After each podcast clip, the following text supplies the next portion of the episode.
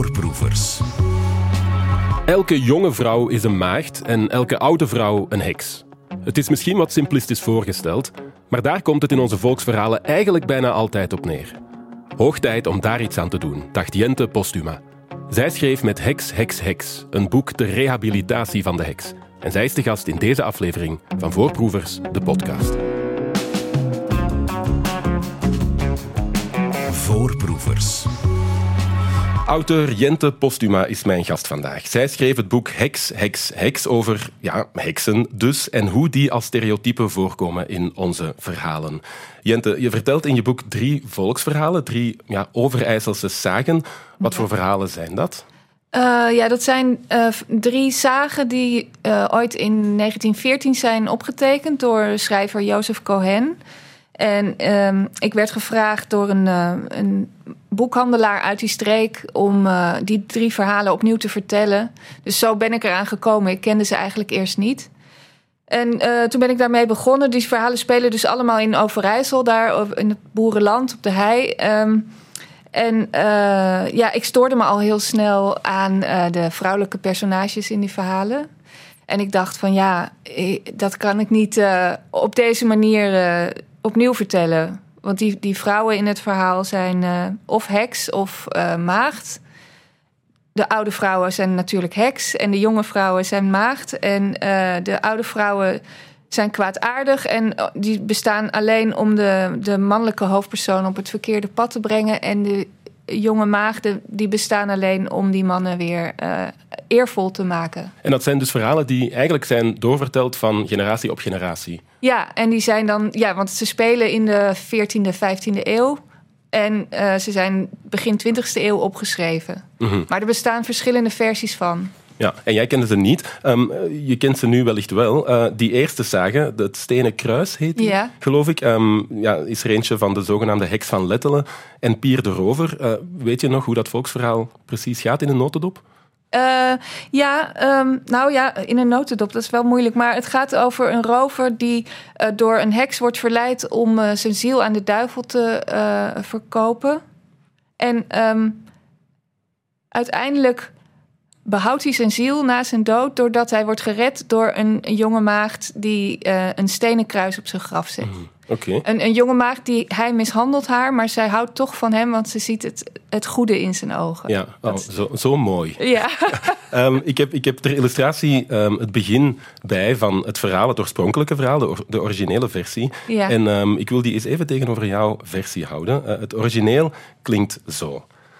Het is lang geleden dat er in Lettelen een heks woonde. Misschien zou men zich haar boze en vijandelijke wezen niet meer hebben herinnerd als ze een gewone heks was geweest. Zij was er echter één uit duizenden. En meneer den Duivel had het geen moeite gekost haar voor zijn regimenten te werven. Langzaamaan was de heks van Lettelen de aanvoerster zijner lijfgarde geworden. Zo klinkt het origineel. Jij hebt daar iets Ja. anders van gemaakt. Ja, ehm, ik zal een stukje lezen. Eh, in de 15e eeuw woonde in Lettelen een heks, wat op zich niets bijzonders was, want in die tijd noemde men veel vrouwen zo. Vrouwen die lazen, vrouwen die niet wilden trouwen, kinderloze vrouwen, vrouwen die hard praten, vrouwen die genoten van seks. Nu had je vrouwen die zichzelf van de brandstapel redden door hun talenten te verbergen, maar je had ook vrouwen in wie het vuur zo sterk brandde dat het onmogelijk was iets te verbergen, al deden ze nog zo hun best. Zo'n vrouw was de heks van, Lettelen. Zij was er een uit duizenden. Zij was een leider. Een leider, um, wa wat is voor jou het grote verschil tussen die twee versies? Ja, ik, ik maak van die heks uh, geen, geen heks meer. Dus uh, in mijn verhaal is zij geen heks, maar uh, een, een mens, een vrouw. Met al haar, alles wat daarbij komt kijken bij het mens zijn. Dus met, met innerlijke strijd, conflict. Wat, wat vaak hoofdpersonen in verhalen hebben. Maar wat vrouwen in verhalen zelden hebben. Of vooral vroeger, maar nog steeds minder dan mannelijke hoofdpersonen. Uh, dus ja, ik vond het belangrijk om uh, van haar iemand te maken. Ja, wel een sterke vrouw, maar niet per se alleen maar sterk. Mm -hmm. Een, een uh, 360 personage, zal ja, ik zeggen. Ja, met, ja. met diepte, niet oppervlakkig. Ja. En niet in dienst van de man. Nee, precies. Mhm. Ja. Um, ja, stereotypen ehm, kunnen schadelijk zijn. eh, Ja. En zeker in verhalen ook. Hoe ehm, heb jij dat gemerkt of zie je dat om je heen? Ehm, in mijn eigen leven bedoel je? Hm. Eh, ja, ik heb het zeker gemerkt. Eh, ik, ik- als, als meisje en als vrouw heb ik toch wel vaak eh, geprobeerd onbewust om, om te voldoen aan bepaalde stereotypen. Die vroeger, toen ik ja, eigenlijk vanaf de puberteit heb ik toch altijd in mijn hoofd gehad dat, dat het heel belangrijk is om mooi te zijn en om slank te zijn. Eh, belangrijker dan wat er van binnen eh, gebeurt. Of, ja, ik, ik denk, ik weet niet of ieder meisje dat zo heeft ervaren, maar want het werd bij mij ook nog wel een beetje gestimuleerd eh, door mijn opvoeding. Maar het is ook wel iets typisch vrouwelijk om, om je ja, heel erg door andere ogen bekeken te voelen en om je daarmee te vereenzelvigen. En dat is wel wat ik deed. Hm, Ja. ja. voor, voor, voor heksen is het natuurlijk niet zo dat ze mooi moeten zijn en, en slank Nee. moeten zijn. Daar gelden Nee. andere stereotypen op. Daar Ja. probeert men vrouwen op een andere manier te stereotyperen. Ja. Wat is daar dan precies het grote probleem mee? Ja, nou, maar kijk, heksen zijn vaak oudere vrouwen. Hè? En ik ben nu zelf ook wat ouder. En eh, dan merk je dus dat, je, dat schoonheid wordt niet meer van je verwacht. Maar als je dan ehm, ja, daardoor, omdat die schoonheid dan niet meer belangrijk is, worden vrouwen vaak eh, een beetje onzichtbaar. Vrouwen, oudere vrouwen. Eh, of lelijk genoemd. En he- heksen eh, zijn lelijke oude vrouwen vaak in verhalen. En geen wijze oude vrouwen. Wat voor mannen, oudere mannen, daar wordt vaak het stempel wijs op gedrukt. En bij vrouwen niet. En die zijn lelijk en kwaadaardig. Ja, ik moet u heel erg aan Disney denken en sprookjes. Uh, daar zien we Ja. de stereotypen ook terugkomen. Ja, ja nog steeds. Mhm, ja, ze, ja. ze doen wel hun best om het wat eh, moderner te maken. Maar vaak vind ik dat ze nog lang niet eh, ver genoeg gaan. Mhm. Hebben die figuren in, uh, of uit die verhalen, die Pier de Rover bijvoorbeeld, Letitia, zoals jij de heks van Lettelen noemt, of Jeanne of Margine of Marie, of hoe ze ook genoemd wordt, hebben die echt bestaan? Ehm, ja, ze ze- nee, niet, in mijn, niet de personages van mijn verhalen. Nee, nee, nee, nee. Nee. Nee, Eh, die heb ik verzonnen. Ja. ja. Ehm, ja, het is, het is schadelijk om de vrouwen als heks eh, te gaan portretteren. Jij hebt geprobeerd om in jouw hervertelling van eh, die volksverhalen, om ook de andere personages misschien iets ehm, anders te gaan schetsen. Ik denk aan die Pier de Rover. Ja. In het origineel is hij ja, weliswaar een rover, maar wordt hij toch best nog wel vergoeilijkend ergens Ja. voorgesteld. En jij schetst hem bewust anders, hè? Ja, want in het origineel is om die, die, dat jonge vriendinnetje dat hij krijgt, die hem eh, uiteindelijk eh, eert eh, na zijn dood, die, die ziet dus het goede in hem. Dus eigenlijk, hij wordt neergezet als een vrede man die toch van binnen ook ja, iets edels heeft, zeg maar. En ik, ehm, ja, ik maak hem ook niet alleen maar slecht of kwaadaardig, maar een beetje sukkelig eigenlijk. Hij heeft een baard met broodkruimels erin. Eh, eh, zijn hemd is te kort, waardoor je eigenlijk zijn bilspleet ziet. eh, wat ook wel een cliché van eh, sommige mannen is misschien. Eh, ja, dus ik, ik, op die manier wil ik hem ook eh, wel menselijk maken. Dus ook niet alleen maar slecht. Nee, inderdaad, maar toch ook wel ehm, duidelijk benoemen van oké, wat hij doet is niet oké. terwijl Nee, nee, precies, precies. wel zo is. Ja, precies. Nee, want, want het, het doet natuurlijk heel erg denken aan, aan huiselijk geweld. Als je zo'n oud verhaal leest waarin een vrouw... Er komen ook zinnen in voor als ze kuste de voeten die haar geschopt hadden... en de handen die haar hadden geslagen. Of zo. Eh, dus ja, dan, dan denk je aan vrouwen die, die door hun man worden geslagen of erger, femicide. eh, en, en dat dat eh, ja, niet echt se- serieus genoeg wordt genomen. Mhm. En dat die vrouwen ook vaak eh, niet serieus genomen worden. Ja, een eeuwenoud stereotype dus. Mhm. zometeen duiken we de geschiedenis in en kijken we naar de heksenproces. Voorproevers. Verhalen hebben een gigantische invloed op onze collectieve beeldvorming. Daarom hervertelde Jente Postuma in haar boek Heks, Heks, Heks drie Nederlandse volkszagen om de heks in ere te herstellen. Ja, Jente, wat zijn heksen eigenlijk? Waar komt het idee van hekserij vandaan? Ehm, ja, je, de- de- oorspronkelijk. ehm, je had in de 15e eeuw een, eh, een boek dat heette Malleus Maleficarum of De Heksenhamer. En eh, dat is een heel dik boek. eh, echt een soort. hoe noem je dat? Een clip. Nee, ja, zo'n. Nou ja, zo'n zo'n zware baksteen van Ja. vol vrouwenhaat eigenlijk. Ehm, en daarin wordt een heks genoemd eh, een vrouw die ehm, ja, een verbond sluit met de duivel, maar eigenlijk een vrouw die seks heeft met de duivel. En eh, op die manier door de duivel wordt beïnvloed om het kwade te brengen bij de mensen. Mhm. En was dat een, eh, het neerschrijven van ja, iets dat al langer leefde in de maatschappij, een gevoel dat al langer leefde rond vrouwen? Ja, ik denk het wel. Ik, ik, ehm, het was in de tijd, dus het was de 15e eeuw eh, dat het boek eh, zich verspreidde. Eh, en het was echt een bestseller. Dat is enorm, enorm afgenomen, zeg maar. Ehm, maar ik in die tijd, ehm, vooral de 16e eeuw, ehm, had je, waren zelfstandige vrouwen al snel verdacht. Het kapitalisme kwam toen ook op en eh, het was de bedoeling dat vrouwen niet meer zoveel buitenshuis betaald werk deden. Dat was nu eh, vanaf dat moment aan mannen eh, om te doen. En ehm, vooral bijvoorbeeld oudere vrouwen, weduwen die eigen grond hadden, of vrouwen die een geneeskundig beroep hadden, dus vroedvrouwen of, of medische ja, artsen, eigenlijk vrouwelijke artsen, die, ja, die waren verdacht. Mhm. Of die werden al snel. Of, of vrouwen die de medici- medicinale werking van kruiden goed kenden, bijvoorbeeld. Ja, en dat boek, hè, die Malleus Maleficarum, werd in de 16e eeuw ook door rechtbanken als een soort van handleiding gebruikt voor heksenvervolging, Ja. laten vertellen. Ja, ja daarin werd, wordt ook beschreven hoe, eh, ja, hoe ze die heksen aan moeten pakken. Eh, en eh, ook het martelen. En, eh, ehm, maar ook uitgebreid beschreven hoe vrouwen in elkaar zitten. En hoe leugenachtig en eh, zwak van geest en kinderlijk en ehm, seksueel. ehm, ja, over, over, hoe zeg je dat? Nou ja, wellustig eh, zijn. Ja, inderdaad, Over, over vrouwen, eh, niet enkel over heksen, maar ook over vrouwen in het algemeen werd er Ja, geschreven. ja. En dan over heksen vond ik een fragmentje dat, ehm, waarbij stond dat ze mannen onvruchtbaar zouden maken en hun penissen stalen om Oh, bij ja. te houden in vogelnestjes. Ja, ja. ja, Bizar. dat is, dat is echt bizar. Ja, dat, eh, dat, dat stond in dat boek, hè? Ja, ja, ja. Ja, Ja, dat is een heel vreemd eh, idee. Ja, hoe komt hij erbij? ja, ja, ja inderdaad. Er is ook eh, geen historisch bewijs van dat Nee. er ergens eh, penissen zijn gevonden in vogelnestjes. Nee, Nee, inderdaad. Zou, zou, zou vreemd zijn. Ehm, wanneer we spreken over heksenprocessen, denken we vaak aan de middeleeuwen. Ja. Maar eigenlijk ligt het zwaartepunt later. Ja, in de renaissance, dus in de 16e eeuw.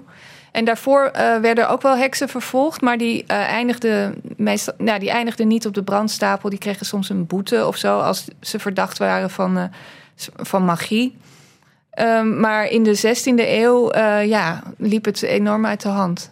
Toen ja, konden soms hele dorpen, de vrouwelijke bevolking van een heel dorp op de brandstapel belanden. Hmm, En ehm, eh, ja, als, we, als we het dan hebben over die heksenprocessen, ehm, hoe kwam het dat het pas na de middeleeuwen was dat vrouwen er zo slecht voor stonden? Want tijdens de middeleeuwen Ja. ging het eigenlijk, had de vrouw het beter. Ja, hadden ze eh, meer b- beroepen. Eh, en eh, ja, dat, dat heeft te maken volgens historici. Ik herhaal nu wat, wat ik eh, heb gelezen. Eh, ik heb er zelf geen uitgebreid onderzoek naar gedaan. Maar eh, ehm, dat, dat, kwam omdat het, het christendom ehm, werd ingevoerd en, en het kapitalisme. Waardoor eh, dus land ehm, opnieuw verdeeld werd. En eh, vrouwen.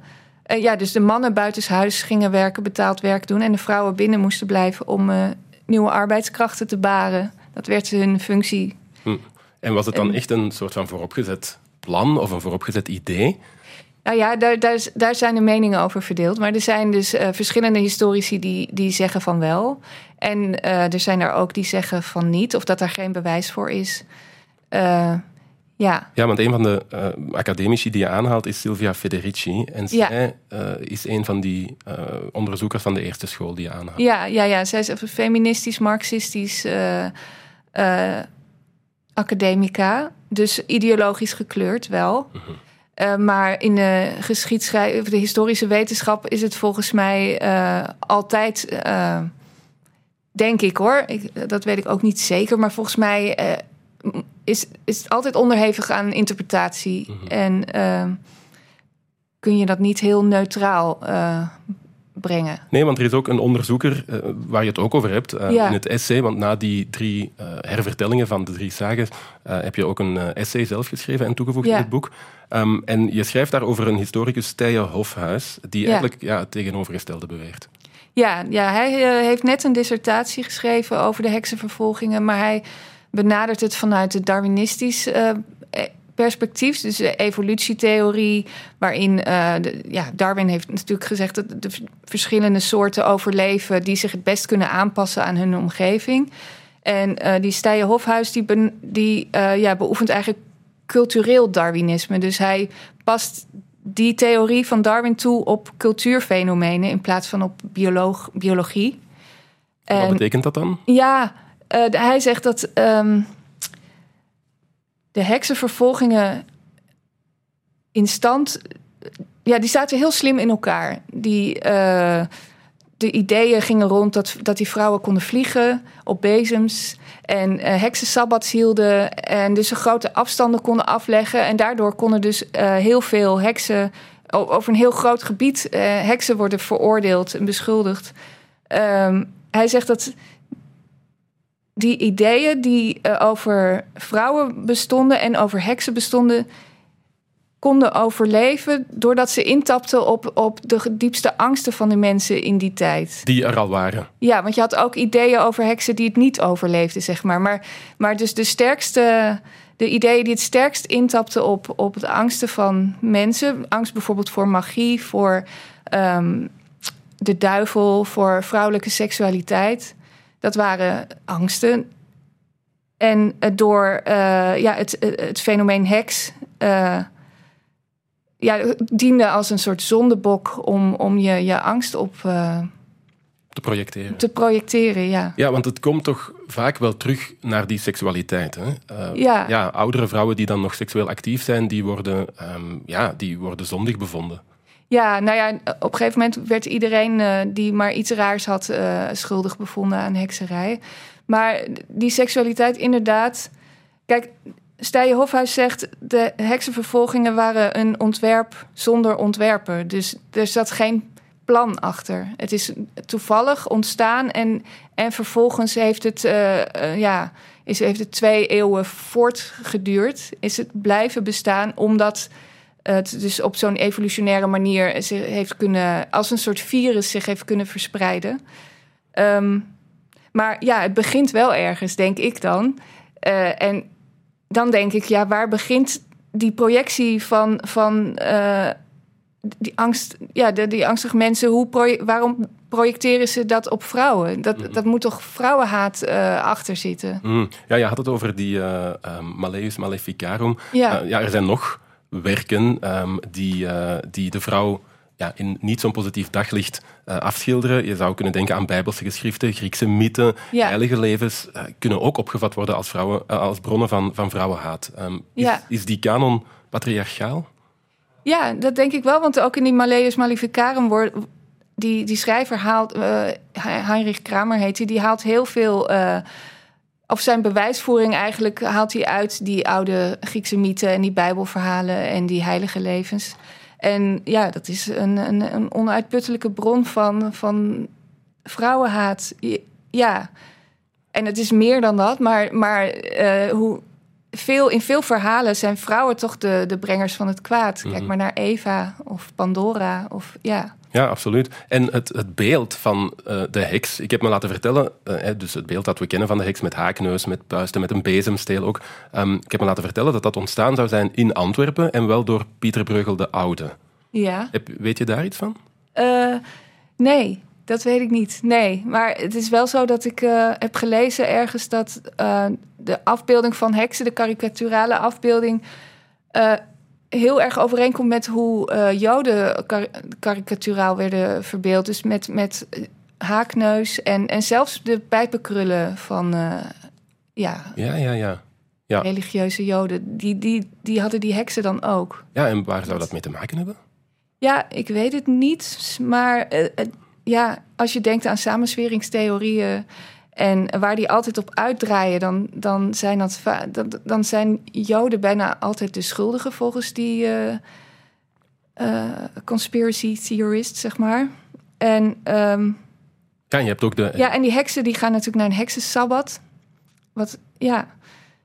Eh, ja, ik denk misschien als je het vanuit het perspectief van uh, Stijen Hofhuis, dus van Darwin, bekijkt, dan, dan, ja, dan, dan zijn dat toch de, de zondebokken waar, waar die het beste dienen om, om je angst op te projecteren. Maar waarom precies, ja, weet ik ook niet.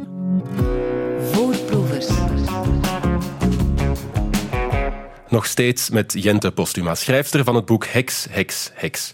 Jente, ik leerde een nieuw woord in je boek, brandstapelangst. Ja. Ja, wat wil dat zeggen? Uh, dat is een term van uh, Suzanne Smit, schrijver, die al twintig jaar zich bezighoudt met uh, hekserij. ja, dat is de angst om ja, je hoofd boven het maaiveld uit te steken en het eraf gekapt zien worden. Ja. ja. dus de, de angst om veroordeeld te worden om, om wat je zegt of wie je bent of wat je doet als, als je zichtbaar bent. En vanwaar dat woord brandstapelangst? Nou ja, de, de, de, heksen of vrouwen in die tijd die waren natuurlijk snel verdacht en konden op, op een brandstapel belanden. Dus uh, zo ja, wil je niet eindigen. Nee, denk ik ook niet. Um, ja, want het, het beeld van heksen is uiteindelijk een handige manier, zou je kunnen zeggen, om vrouwen weg te zetten als uh, ja, bozaardige wijsneuzen of intrigantes. Ja, ja, en zeker oudere vrouwen worden vaak tegenwoordig heks genoemd. En uh, um, het is heel jammer dat, uh, ja, dat mannen wijs worden genoemd en vrouwen. Mannen op leeftijd die, die worden al snel wijs genoemd. En vrouwen op leeftijd die worden al snel kwaadaardig en lelijk genoemd. Mm, um, dat is ook meermaals gebeurd bij jullie hè, in de Nederlandse uh, politiek ja. met Sigrid Kaag, ja. die de partij D66 leidt. Um, Geert Wilders noemde haar een heks. Uh, en het is een beeld dat nu regelmatig nog wordt bovengehaald. Een maand geleden maakte Arjen Lubach zich er nog druk over. Die fakkelvakkers in Diepenheim, uh, die noemde Kaag dus heks. En dat is een onderdeel van een hetze tegen Kaag die al vrij lang duurt. Geert Wilders bijvoorbeeld heeft in zijn leven zes keer het woord heks getweet. Vijf van die zes gingen over Kaag. En de zesde ging over Oz. Geweldige film, geweldig verhaal en vooral geweldige heks. Kan je ons de context hiervan even schetsen? Ja, nou, um, Geert Wilders heeft, uh, ja, die heeft getweet over, uh, over Sigrid Kaag uh, als heks. ook toen ze zich terugtrok als minister, noemde hij dat hashtag Hexit.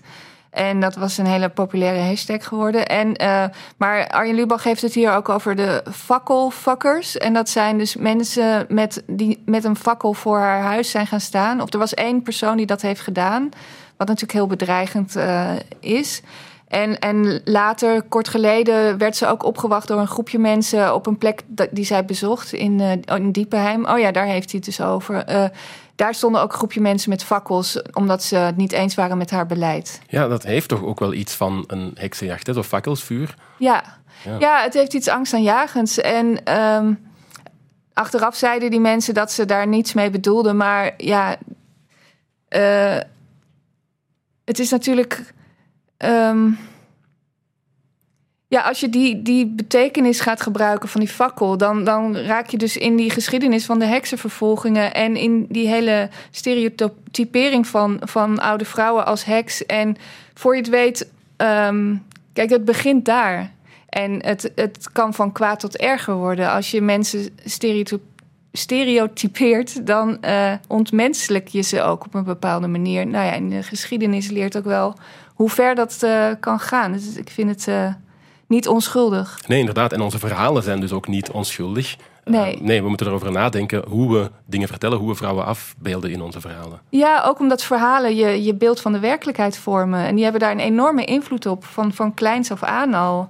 Als ik merk wat ik mijn zoon van negen voorlees en hoe seksistisch veel van die. Uh, en ook racistisch en, en vetshaming. En uh, er, komt, er komen heel veel stereotypen in voor die ja, die ik best schadelijk vind, ja. Ja, want je draagt het boek ook op aan je zoon. Ja. Waarom?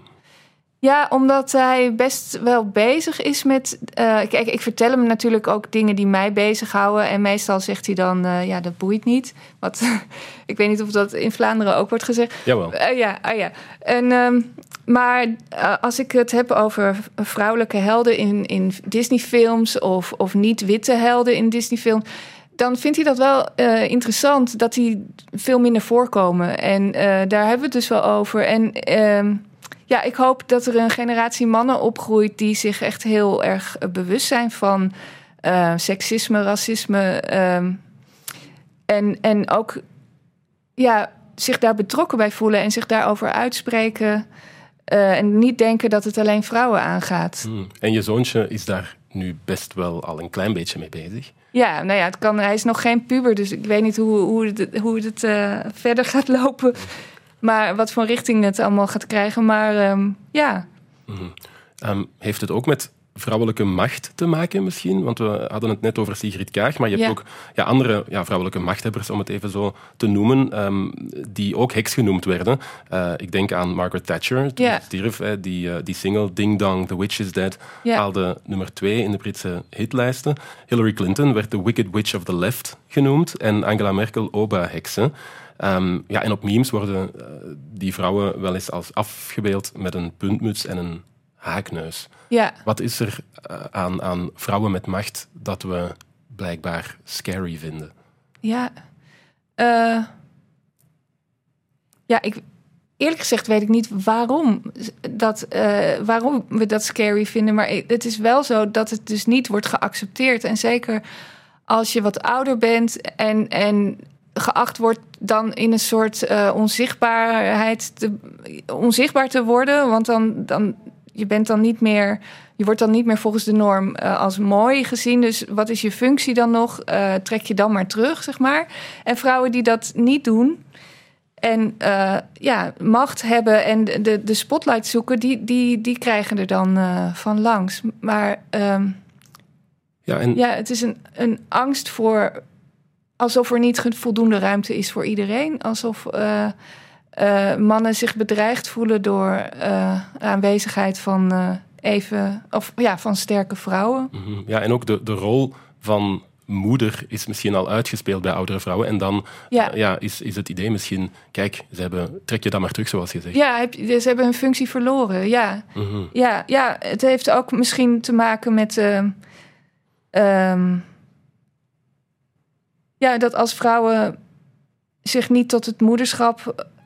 Ja, ik weet het niet. Want het, kijk, tegenwoordig werken zoveel vrouwen. Dat, het is meer iets van vroeger. Dat, dat vrouwen de nieuwe arbeidskrachten moesten baren en zo. Maar.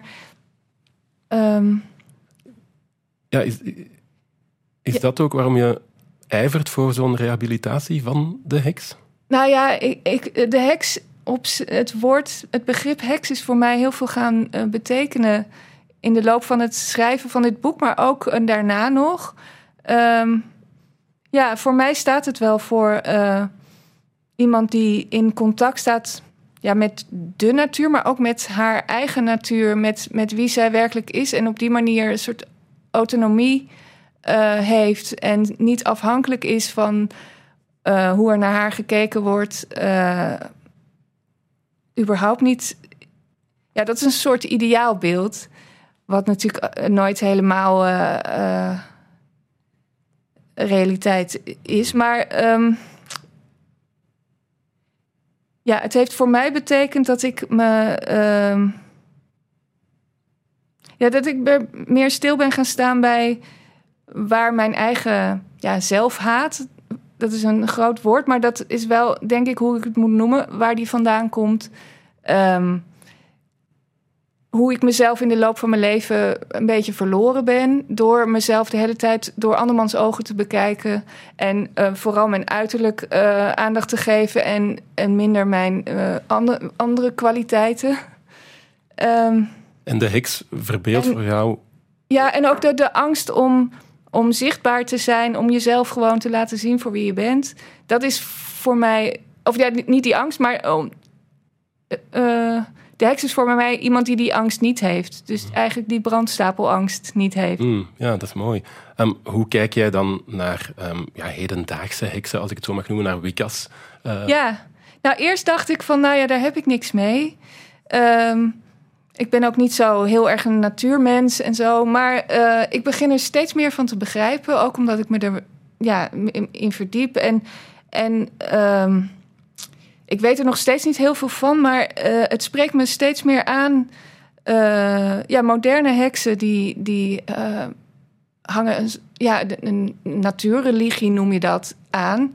En ik dacht altijd dat dat heel veel hocus pocus was. En ik was daar behoorlijk bevooroordeeld over. Maar het is eigenlijk gewoon een heel mooie manier om, om de wereld te bekijken. En hoe alles met elkaar verbonden is. En hoe de mens daar een onderdeel van is. En niet, niet bovenaan de hiërarchie staat. Maar, maar ja, het is ook een hele goede manier om, uh, om iets aan het klimaat te doen eigenlijk.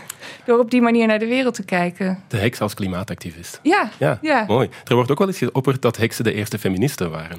Ja, ja dat is ook gezegd. Uh, ja, zo zou je het best kunnen zien. Uh, het is, het, in ieder geval vind ik het heel belangrijk om, om je bewust te zijn van de geschiedenis van die heksenvervolgingen, omdat het uh, ja, ook de geschiedenis is van, van seksisme en vrouwenhaat. Het is een, uh, een belangrijke ja, episode in die geschiedenis. En als je weet waar, waar ja, waar het vandaan komt, dan kan je het ook beter begrijpen. Of zoals uh, Abel van Gelswijk zegt in het essay dat ik heb geschreven. Abel van Gelswijk is een zanger van Hang Youth, een, een punkband. Maar hij zegt, uh, alles is gelul. Um, mensen verzinnen verhalen om, om orde te scheppen in de, in de chaos. En je moet eerst terug naar het oergelul.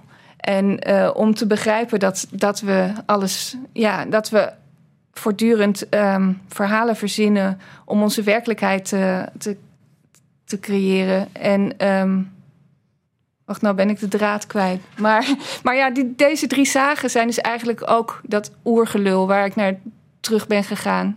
Jente Postuma, ik wil je heel erg bedanken om hier te zijn. Schrijver van het boek Hex, Hex, Hex Gaat dat kopen? Merci. Voorproevers.